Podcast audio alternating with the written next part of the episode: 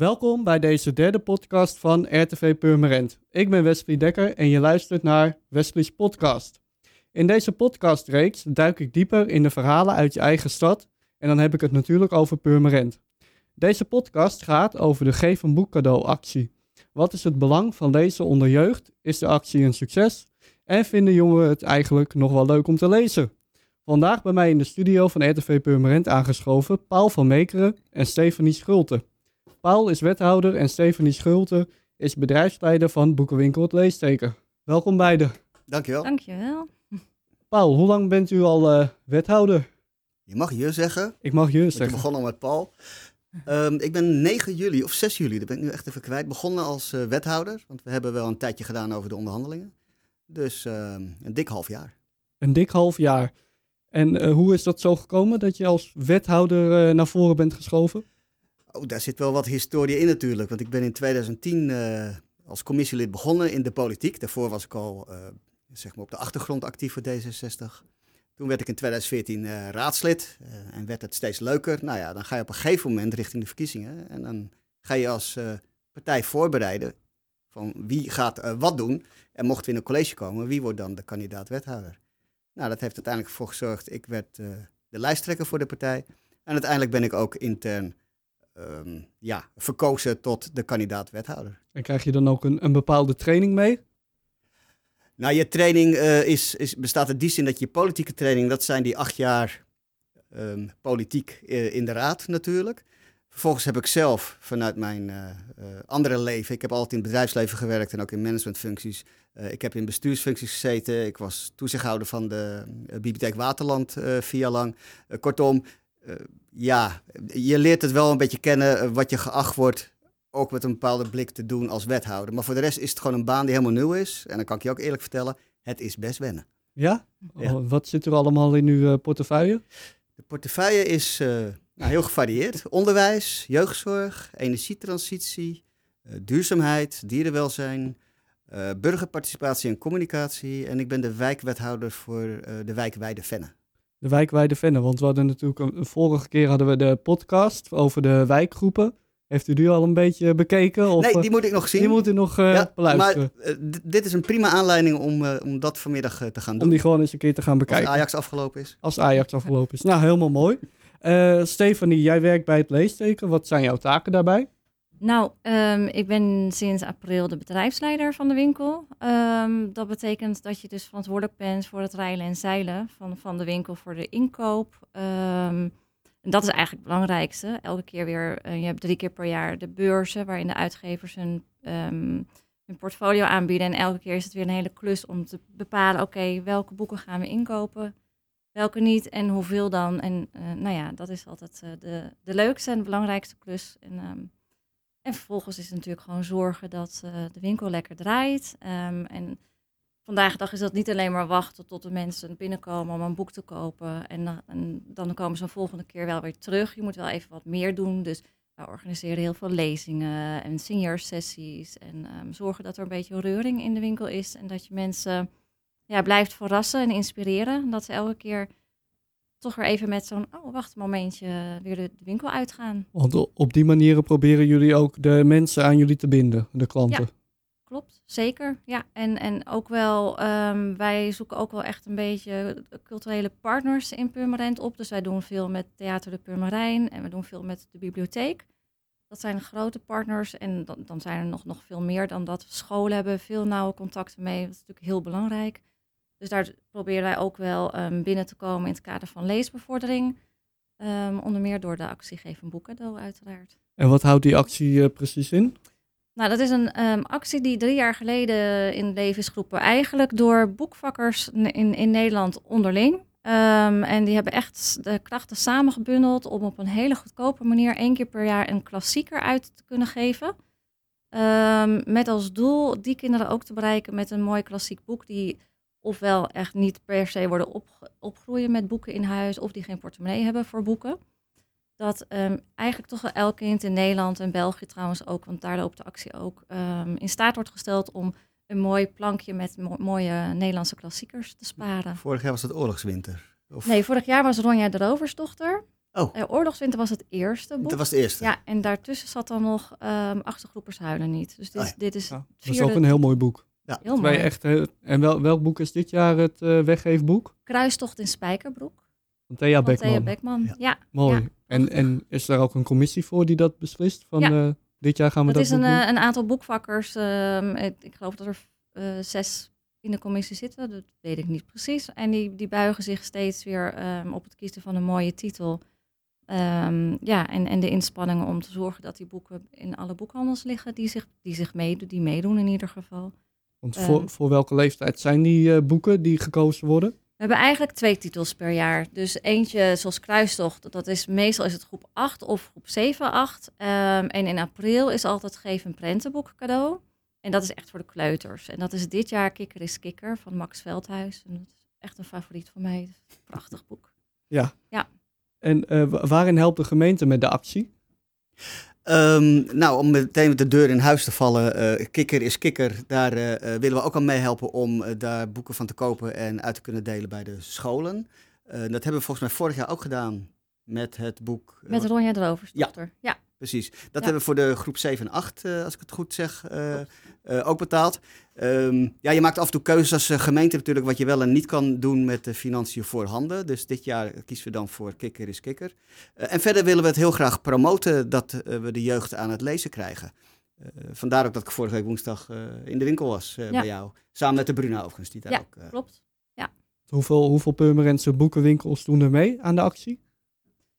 Nou ja, ehm, de Bruna en het leesteken, die hebben in ieder geval werken daarin mee samen. Maar wat ik begreep is dat de Primera ook meedoet. Maar daar, dat, eerlijk gezegd durf ik dat niet te zeggen. Die hebben zich volgens mij niet officieel aangemeld bij de landelijke campagne, maar hebben wel de boeken ingekocht. En dat is dan net weer even. En hoe, hoe zij dat precies hebben gedaan, durf ik niet te zeggen. Oké. Dus, ja. Eh, Zijn er nou nog meer initiatieven om mensen aan het lezen te houden binnen Purmerend? Nou, ik denk dat Stefan je dan vooral wel wat kan vertellen, want je hebt een goed contact met, met de eh, NL Plein van de, eh, van de bibliotheek. Ja, wij ehm, eigenlijk vanaf het eerste jaar al dat deze acties starten, hadden wij bedacht dat het erg leuk is om een goed doel aan de actie eh, te koppelen. Want het, het boek kost maar 2,50, wat natuurlijk helemaal niks is voor iets heel moois. Ehm, dus dat werkt zo. Dus mensen kunnen het boek kopen en die kunnen ook nog een extra boek kopen. En die dan doneren aan ons doneerplankje. Die reikt nu al echt tot aan het plafond. We hebben al bijna 150 genodeerde kruistochten, dus dat is fantastisch. En elk jaar kijken we weer, zoeken we een goed doel waaraan we dan die gedoneerde boeken kunnen geven. En dit keer is het NL-plein. Ehm, en de vrijwilligers van NL-plein hebben allemaal een groepje, veelal nieuwe Nederlanders, die de taal proberen te beheersen. En die gaan daar allerlei activiteiten mee ondernemen. Naar musea, kopje thee drinken ergens en gewoon veel praten. En ehm, als wij ehm, alle boeken hebben verzameld van de doneeractie, dan komen de groepen bij ons in de winkel met eh, de individuele groepen met een begeleider. En dan krijgt ieder lid van de groep krijgt dan van, van onze klanten eigenlijk een gedoneerd kruistocht. En die gaan ze dan allemaal plenair met een begeleider lezen op een bepaald moment en daarover praten. En de boeken gaan mee naar hun huizen, dus die worden aan de kinderen voorgelezen of de kinderen gaan ze zelf lezen. En dat, ja, dat is natuurlijk prachtig ehm, in het kader van leesbevordering, heel breed. Ik kan je vertellen dat ik begonnen ben met Kruistocht in Spijkerbroek weer. Ik heb hem heel vroeger gelezen. En ik, was even, ik dacht van, ah, ik ga kijken. Ja, Eh, en nu ben ik er gewoon in begonnen, want het is gewoon leuk. Echt heel mooi geschreven. Spannend, Ja. avontuurlijk. Ja, Want het gaat over een, een kinderkruistocht, geloof ik, in eh 1200 zoveel. Ja, nou ja, ja het gaat, de hoofdpersoon is Dolf. En die, die leent zich eigenlijk, ehm, vrienden van zijn ouders die zijn, hebben een soort tijdmachine gebouwd. En die hebben eigenlijk een soort proefkonijn nodig om die tijdmachine uit te testen. En hij wil dat wel. En dan wil hij terug naar 1220. En dan wil hij eigenlijk in een soort riddertoernooi, geloof ik, terechtkomen. Maar dat gaat mis. En hij komt dus heel ergens anders terecht, midden in die eh, kinderkruistocht, inderdaad. En dan, ehm, ja, dan volgt er een waanzinnig avontuur. En komt hij ooit wel weer terug? Dat is wel... Ja, dat is de, De vraag. vraag. Dat gaan we natuurlijk Dat gaan we niet... niet eh, Ja, nee, nee, zeker niet. nee, anders dan Ja. hoeven al die boeken natuurlijk niet meer eh, van de toonbank eh, nee, af te gaan. Hoe, hoe gevarieerd is het publiek in, eh, in de boekenwinkel? Ehm, ja, wel gevarieerd. Het kan naar mijn mening nog gevarieerder. Dus daar proberen wij ook, ook echt wel een beetje ons best voor te doen. Dat iedereen zich eh, thuis voelt in de winkel en eh, welkom voelt. En daarom ja, vind ik zelf ook die koppeling met NL-plein nu heel mooi. Omdat je ehm, ook toch wel terugkrijgt van de vrijwilligers... dat er echt wel een drempel is voor nieuwe Nederlanders... om zeker iets als een boekhandel binnen te stappen. Omdat lezen niet, niet overal in elk land zo gewoon als dat het in Nederland is. En het concept boekwinkels is niet in elk land heel, heel gewoon. Dus daar is een soort drempel. En ja, dan is het natuurlijk heel mooi als je ja, iedereen naar binnen weet uh, te is krijgen. Die, en zich is die drempel er alleen maar bij mensen die, uh, die uit andere landen komen? Nee, nee, dat denk ik niet. Nee, um, nee, er is ook, er was, ja, ik weet niet of dat nu nog steeds zo is, maar uh, ik denk van oorsprong dat er ook wel een beetje, ja, noem je dat een literaire drempel, dat mensen die um, de, onze boekhandel, dan denken van ja, maar ja, daar kan je niet naar binnen voor gewoon een lekker feel-good boek of zo. Dan moet je wel verstand hebben van boeken en dat is natuurlijk helemaal niet zo. Ik want... dat, mijn, dat ik wel mijn kinderen als voorbeeld kan geven. Ja. En um, daar zie je gewoon dat lezen. Vroeger moesten we onze boekenlijst uh, mm -hmm. lezen, dat is nog zo, uh, neem ik aan. Um, ze zitten liever op hun telefoon of kijken een YouTube-filmpje dan dat ze een boek pakken. Maar ja, nou komt de studie. Mijn zoon zit bijvoorbeeld op de hogeschool en mijn dochter zit dan nog op Jan van Egmond College. Uh, die moet steeds meer lezen en leren. En dan merk je best wel dat ze er baat bij zouden hebben als ze wat eerder wat meer hadden gelezen. Zeker. En dan denk je, woordenschat is bijvoorbeeld uh, Ja. iets wat, wat echt in mijn ogen te gering is bij mijn kinderen. Ze gaan, Ja. Als ze dit luisteren, dan zijn ze natuurlijk boos dat ik het zeg. nee, dat is zeker zo. En daarom wij gaan ook eh, regelmatig naar scholen op bezoek. En dan geven we een soort gastles over eh, lezen, boeken. Maar eh, en dan vertel ik altijd ehm, een heel kort riedeltje over aan, tegen de kinderen van waarom is het nou zo eh, belangrijk om te lezen. Want wat jij zegt, woordenschat gaat echt omhoog met 10 minuten lezen per dag. Maar niet alleen dat, ook je, uh, je inlevingsvermogen. Want je leest over dingen waar je anders misschien helemaal niet zoveel van af weet. Dus je, je krijgt een beter empathisch Algemene vermogen. kennis ook. Ja, algemene kennis, sowieso. Je concentratievermogen gaat heel erg omhoog. En het is echt bewezen dat kinderen die um, dagelijks 10 minuten lezen... op het voortgezet onderwijs echt zwaar hoger scoren op de toetsen en op de en tentamens. is helemaal niet veel. Is helemaal niet veel, nee. nee. Dat, uh, dus dat moet makkelijk te doen ja. zijn. Ja. En als je dat vertelt, dan zie je ze wel... oh, oh wacht even. Hmm, ja, En er zit wel wat in voor, ze, voor Is het, ook. uh, is het met de moderne technieken een verloren zaak eigenlijk om kinderen aan het lezen te houden? Helemaal niet. Nee? nee. Nee. Het niet- het is niet een, een, de- je hebt niet het gevoel dat het echt eh, moeilijk is om er tegenaan te boksen van, eh nou, Nou ja. ze hebben dat en dat. Tuurlijk, je hebt een, zeker een bepaalde leeftijd. Ehm, de echte kleine, de kleinere kinderen, die, ja, een boek is niet te vervangen. Eh kinderboeken, prentenboek is eigenlijk niet te vervangen door, eh, door een e-book of een iPad of zo. Dat is wel echt wat anders. En het dat gevoel van op schoot zitten en samen voor, voorgelezen worden, dat, is, dat zal altijd blijven. Dat zien we ook al, want die eh, kinderboekenmarkt is nog steeds groeiende. Dus dat, dat gaat gewoon hartstikke goed. Ja, en je hebt natuurlijk op een gegeven moment is er wel zo'n zo'n kanteling, zo vanaf acht, nou tien eigenlijk. En dan, zeker op het voortgezet onderwijs, ja, dan hebben ze gewoon zoveel concurrentie met hun tijdsbesteding, dat lezen gewoon even onder druk komt. Maar ik denk wel dat ze op een gegeven moment allemaal weer terugkomen. Het heeft ook met levensfase te maken. Dat denk ik wel. Ja. Maar als ik terugkijk, had last met mijn vrouw over, dan, eh, die kinderen zitten dan op die telefoons. Nou, die hadden we vroeger niet. Nee, klopt. En je ging heel vaak naar de bibliotheek. Eigenlijk iedereen die ik spreek, vroeger ging je naar de bibliotheek. Mijn kinderen gaan niet naar de bibliotheek. En dan denk ik van, nou, weet je, er zit toch wel een verschil met eh, eh, de huidige tijd en, eh, ja, zeg eventjes 20 jaar geleden Ja. of, of, of langer.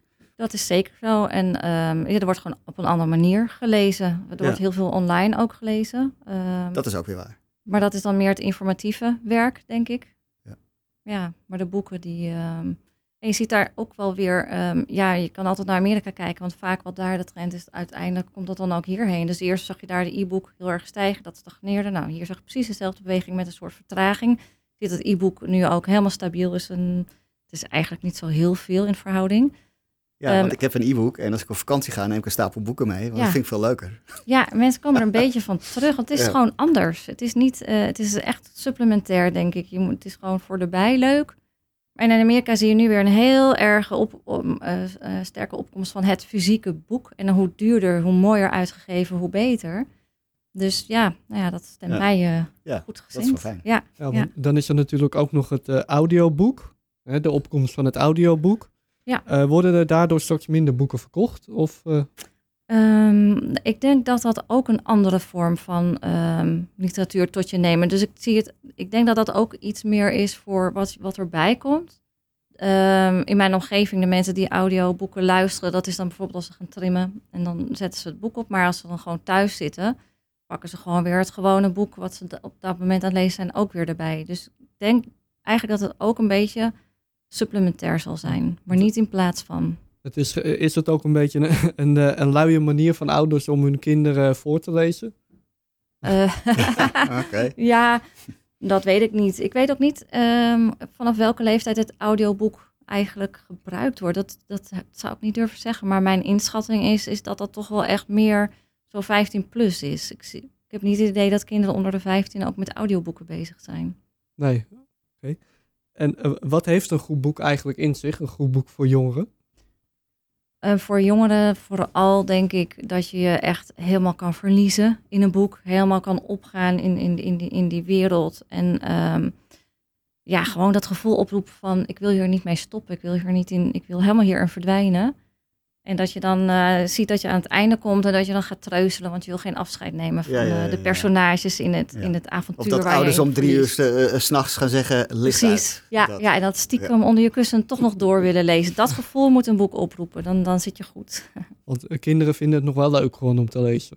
Ja, nou ja, ja de, dat is, ehm, als kinderen eenmaal lezen, merk je toch wel dat ze heel enthousiast zijn en toch graag dat, dat gevoel wel weer terugzoeken.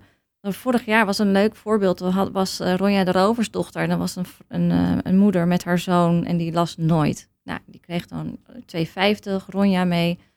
Twee weken later kwam ze terug en ze zegt, ja, ik wil net zo'n boek als Ronja, want hij vond het zo goed. Ja. Hij wil gewoon precies zo'n boek lezen. Ja, dat Ja. is natuurlijk fantastisch. Mooi, dat, dat is het doel. Ja, Ja. ja. Dan heb je gewoon een nieuwe lezer te pakken. Want zijn de boeken die, eh, die 30 jaar geleden aan jongeren verkocht werden, zijn die anders dan de boeken van nu? Of Als je ook kijkt naar Kruistocht, dat is wel echt, dat zit heel erg op het avontuur en, en, en de beleving en, en ook wel fantasie. En dat heb je ook gelukkig nog steeds. Maar je ziet toch nu ook wel een trend van de boeken waar, ehm, die veel meer op, op ehm, humor en, en ook wel spanning, maar op een andere manier. Veel eh, graphics, dus meer graphic Dagboek novels. van een loser bijvoorbeeld. ja, een dat is voor typisch voorbeeld van ehm, eh, eh, ja, wat aan de ene kant wel eh, niet-lezers echt wel over de grens trekt om te gaan lezen, want dat vinden ze wel leuk. Ja. En uiteindelijk moeten ze natuurlijk wel de stap maken naar, naar echte literatuur, maar dit is wel, helpt daar wel bij. Overigens is het nog een tijdloos boek. Mijn dochter heeft op haar vierde of zo zichzelf leren lezen. Eh, dacht best wel, je leest. Eh, vierde dan een duk. Ja, ja, Want ja. ja. ja. ja. Plaatjes en tekst zijn Ja. natuurlijk aan het begin de ideale manier om, eh, om te leren lezen. Ja, en dat zie je nu ook weer terug. Dat is wel grappig. Bij de AVI-boekjes komen ook eh, weer een beetje de stripachtige, maar dan echt wel AVI-niveau, eh AVI-lees-leerboekjes. want Ja. AVI, dat is een, een niveau om kinderen te Ja. Ontwikkelen qua lezen? Dat is echt het leren lezen. Gaat via um, AVI-systeem. Is, is, is, bestaat al behoorlijk lang. En ehm, je hebt dan AVI 3 tot AVI 5. En dat wil zeggen, als je M3 wil zeggen, het niveau middengroep 3. AVI E3 is het niveau wat je hebt als je eindgroep 3 zit. En zo is het per groep. En, en tot, eh, ja, ik weet het zelf niet meer helemaal goed hoor, maar tot, tot wanneer gaat zo'n AVI? Tot 12, tot 10, tot... Nee, dat is ongeveer 6. Je hebt eh, AVI 5 en dan heb je nog wel iets voor, voor goede lezers. Of juist voor wat um, kinderen die er iets meer moeite hebben. is dat dan? Wat is, eh, Ja, dus zeg maar 7, 8. Oké. Dan maken ze een beetje de stap naar gewoon AVI uit zijn. En eh, gewoon de, de eerste boek, e- echte leesboekjes. Ja. ko- komen jongeren nog wel eens in, in uw boekenwinkel? Gelukkig wel, ja. Ja? Ja, ja zeker. En Ja. Komen ze er dan over voor, ja, met eigen, voor eigen bewegingen? Of is Ehm, het oma die... ook eh, wel, ja, opa's en oma's komen graag met hun kinderen. eh, ouders natuurlijk ook. Ehm, ja, maar toch ook nog wel af en toe gewoon een, eh, een kind dat zelf gewoon eh, echt zijn eigen boek komt uitkiezen. dat is mooi. Want eh, welke boeken vallen het meest in de smaak bij kinderen? Nou, op dit moment toch wel Leven van een Loser. Als een, er is nu weer een nieuwe dagboek van een muts. Ehm, ja, dan kopen er twintig in en dan weet je, na twee weken zijn die op. De Oké. Boomhut, eh, dat is ook zo'n mooie serie. Die, elke boom, elk jaar komt er dan een nieuwe boomhut. En elke boomhut krijgt er 13 verdiepingen bij. We zitten nu op eh 114 verdiepingen, geloof ik. Zo. Oké. En je had van die fantasyboeken. Mijn, mijn zoon las vroeger De Grijze Jager Ja. of zoiets. Grijze Jager dat wordt nog steeds wel gelezen. Wel iets minder, wordt Ja. een beetje- maar ja. Want eh, welke jeugdboeken vinden jullie zelf het, eh, het leukste? Waarvan je denkt van nou, die wil ik echt nog wel eh, even een keer lezen. Ja, ik heb, uh, en, en dat is niet per se, want er wordt natuurlijk weer gelachen, uh, aangezien de, de partij, de man die dat schreef, is ook een, uh, een, een D66er. maar um, Oosterschelde, Scheldeweek, 10 Oorlogswinter, maar ook Thea Beckman.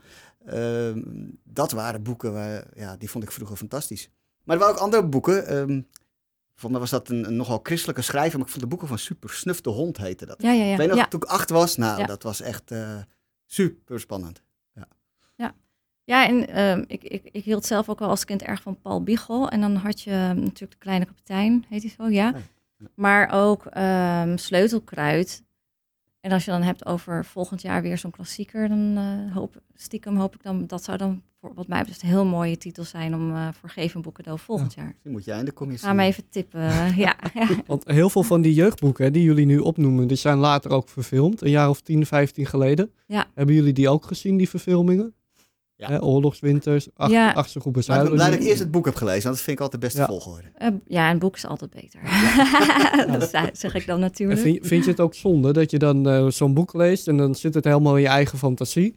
En dan Ja. ga je zo'n film kijken en dan heb je er gelijk een, een persoon eh, bij. Ja, klopt. Ik, ja, persoonlijk wel, maar ik merk wel dat dat, dat voor iedereen anders is. Maar zelf, eh, ja, ik vind het heel fijn om, om mijn eigen fantasie daarop los te, te laten en de, pers, hè, de personen zelf in, in te vullen en, en ehm, de omgeving. En als, het, ja, als dat dan helemaal anders is in de film dan dat ik me had voorgesteld, dan wil, is dat soms wel eens jammer. Of dan Ja. denk ik, oh. Ja. Maar ja, ik, ik heb ook als mensen gesproken en die vinden het juist heel erg, eh, heel erg interessant en leuk. Dus het zal voor iedereen anders Iedereen zijn. heeft zijn eigen beeld. Ik denk Ja. wel eens dat is helemaal verkeerd gecast, maar ja, dat is mijn mening dan. Ja, Ja. maar ik, ik zou zelf nooit eerst de film lezen dan een boek. Want dan ben je al zo, dan is je eigen fantasie al zo ingevuld. Dat is wel echt een Ja. gemis. Ja. Overigens merk ik wel dat, eh, eh, vooral mijn, mijn zoon, die wil nog wel eens de film gaan kijken en dan eh, had hij zijn, zijn mondeling Ja, over het tuurlijk, boek. ja. Maar dat ging niet altijd even goed. Ja. Nee, dat ken ik. Ik heb er twee die doen een eindexamen VWO. Dus die, Je moet ook veel lezen en veel eh, lijsten bijhouden en alles. eh. ja, eh, maar tegenwoordig ehm verschil hangt dat wel nogal af van welke docent je hebt. En dat is wel iets waarvan ik denk, ja, daar valt voor in het kader van leesbevordering wel heel veel te, te winnen. Is het dan niet algemeen dat je een examen hebt en dat je dan Nee, allemaal dat dezelfde is, dat boeken... is een beetje losgelaten. Dus heel Oh. veel dingen is niet meer verplicht. Dus dan is het maar net Ja. hoe belangrijk de docent het vindt. Want in het centraal examen zit volgens mij niet eens meer ehm, literatuur. Oh, want dat is Ja. eigenlijk, vind ik zelf heel raar. Want dan kan Ja. je bijvoorbeeld eh, een leraar hebben en die eh, heeft een hekel aan, nou ik noem maar iemand, Harry Mullies. Mhm. hè? En dan heb je nooit de aanslag of Ja. zo'n boek gelezen. Nee, het is heel belangrijk dat een, een docent enthousiast is over boeken en over literatuur. En ehm, ja, wij ehm, doen nu sinds een tijdje, nodig hij groepen 6, 5 en 4 van VWO, eh, van, van, van scholen in, in Purmerend, uit in de winkel als een soort les. Dus dan komen ze met een docent naar de winkel en dan leggen wij de tafel vol met ehm, nieuwe boeken. Die ook heel interessant zijn voor lezen voor het lijst. Dus niet alleen maar het oude werk. Het maar eventjes. oude werk, ja, ja. ja. Maar gewoon jonge Nederlandse schrijvers die hartstikke goed zijn en die heel dicht op hun belevingswereld zitten. Gewoon ter, dat doen we dan een inspiratie lezen voor de lijst. En dat, dat is heel erg leuk, want die docenten leren daar heel veel van. Want die hebben ook de tijd natuurlijk niet om alles bij te houden wat er allemaal verschijnt. Nee. Dus die vinden dat heel fijn. Ehm, en het is heel leuk, want het is nu dus de e- eindelijk de examenperiode. En achter elkaar zie je die kinderen terugkomen van... Ja, je had toen iets over dat boek over zus en zo. Die wil ik graag gaan lezen voor mijn lijst. En nou ja, dat is natuurlijk fantastisch. Ja, want het jammer natuurlijk ook aan zo'n literatuurlijst is, als je, ik heb een paar jaar terug heb ik ook zo'n lijst dus, eh, gezien, dat er heel veel boeken zijn die eigenlijk ook mijn moeder en eh, nou ja, misschien oudere mensen ook Mhm. wel, hè, no- eh, van een jaar of eh 65, 70, die dat ook Mhm. hebben gelezen. Ja. En dat is eigenlijk best wel raar dat je altijd dan diezelfde lijst houdt. Maar volgens mij is de lijst ook wel eh, iedere keer aan vernieuwing onderhevig. Ik moet bekennen, ik heb hem laatst, ik heb ze niet echt gezien bij mijn eh, zoon. Mhm. Ehm, maar ik kan me niet herinneren dat hij heel erg zat te mopperen dat, dat er, eh, ja, dat, dat soort boeken opstonden. Ja, de, de, die discussie is wel, die is wel ook onder schrijvers en, en, en, en, eh, onder docenten Nederlands wel heel erg ehm, gaande. Inderdaad, je hebt, je hebt de een kant vindt dat het heel belangrijk is dat het, het oude literaire werk gewoon erop blijft staan, dat het eh, gelezen blijft worden, wat ik ook zeker ook begrijp. Maar er is ook een kant die zegt, ja, maar jongens, het gaat, ze moeten, eh, het gaat om leesbevordering. Dus de eerste moet, vereiste moet zijn dat ze er lol in hebben en dat ze het leuk vinden. En dan van daaruit gaan ze vanzelf wel breder lezen. En ik denk, ja, zelf zit ik meer aan die, in, aan die tweede kant. Ja, dat lijkt me wel. Lezen Ja. moet vooral leuk zijn Ja. en dat moet je willen. Ja. En, en, en daarna Ja. kan je daar wel in gaan verdiepen. En de hele oude literaire werken kan je vanzelf bijna onder dan geschiedenis of, of, of nou ja, eh, maatschappijleer. Dat Ja. heet niet, tegenwoordig niet meer een maatschappijleer, maar anders. Maar in ieder geval Ja. dat. Ja. ja. ja, want de aanslag is natuurlijk ook gewoon een historisch boek. Ja, ja, zo precies. Ja. Tweede Wereldoorlog. Dus ja, Ja, dat kan je zeker. gewoon... eh. Ja. Ja, dus zo heb je eigenlijk heel veel historische boeken die op zo'n literatuurlijst staan, waarvan je eigenlijk denkt van ja, maar dat is een boek dat is vorig jaar uitgekomen. En dat is ook heel erg interessant en leuk om eh, Ja, eens te lezen voor... Ik denk als je een goede Zeker. leraar hebt, ehm, en met goed bedoel ik vooral, die, die wil zich inleven en zich de moeite eh, troosten, Mhm. bijvoorbeeld bij jullie, door, bij jullie in de winkel te komen. Ja. Ja, geef, geef die eh, jeugd ook een beetje hun eigen inbreng. Ik denk, maak die lijst gewoon lekker groot. Ja, Het, het nadeel kan zijn voor zo'n leraar dat hij zelf ook dat boek eerst moet lezen. Nou ja, Ja. lijkt mij leuk. Ja, alleen, alleen Ja. de samenvatting op de achterkant, hè? daar heb je hem ook gelezen, zeggen ze wel. ja. ja, wij doen dus veel met lezingen en we zijn nu ook bezig met het Theater de Purmerijn om eens te kijken van kunnen we niet, want daar is het literair salon eh, zes keer per jaar, eh, om te kijken of we in ieder geval één van die literaire salons ook kunnen inkleden met een, ehm, eh, een auteur die ook geschikt is voor het lezen voor de lijst. En dan kunnen die scholieren gewoon naar de literair salon komen, kunnen ze punten mee eh, sparen, ze, kunnen, ze weten heel veel over het boek.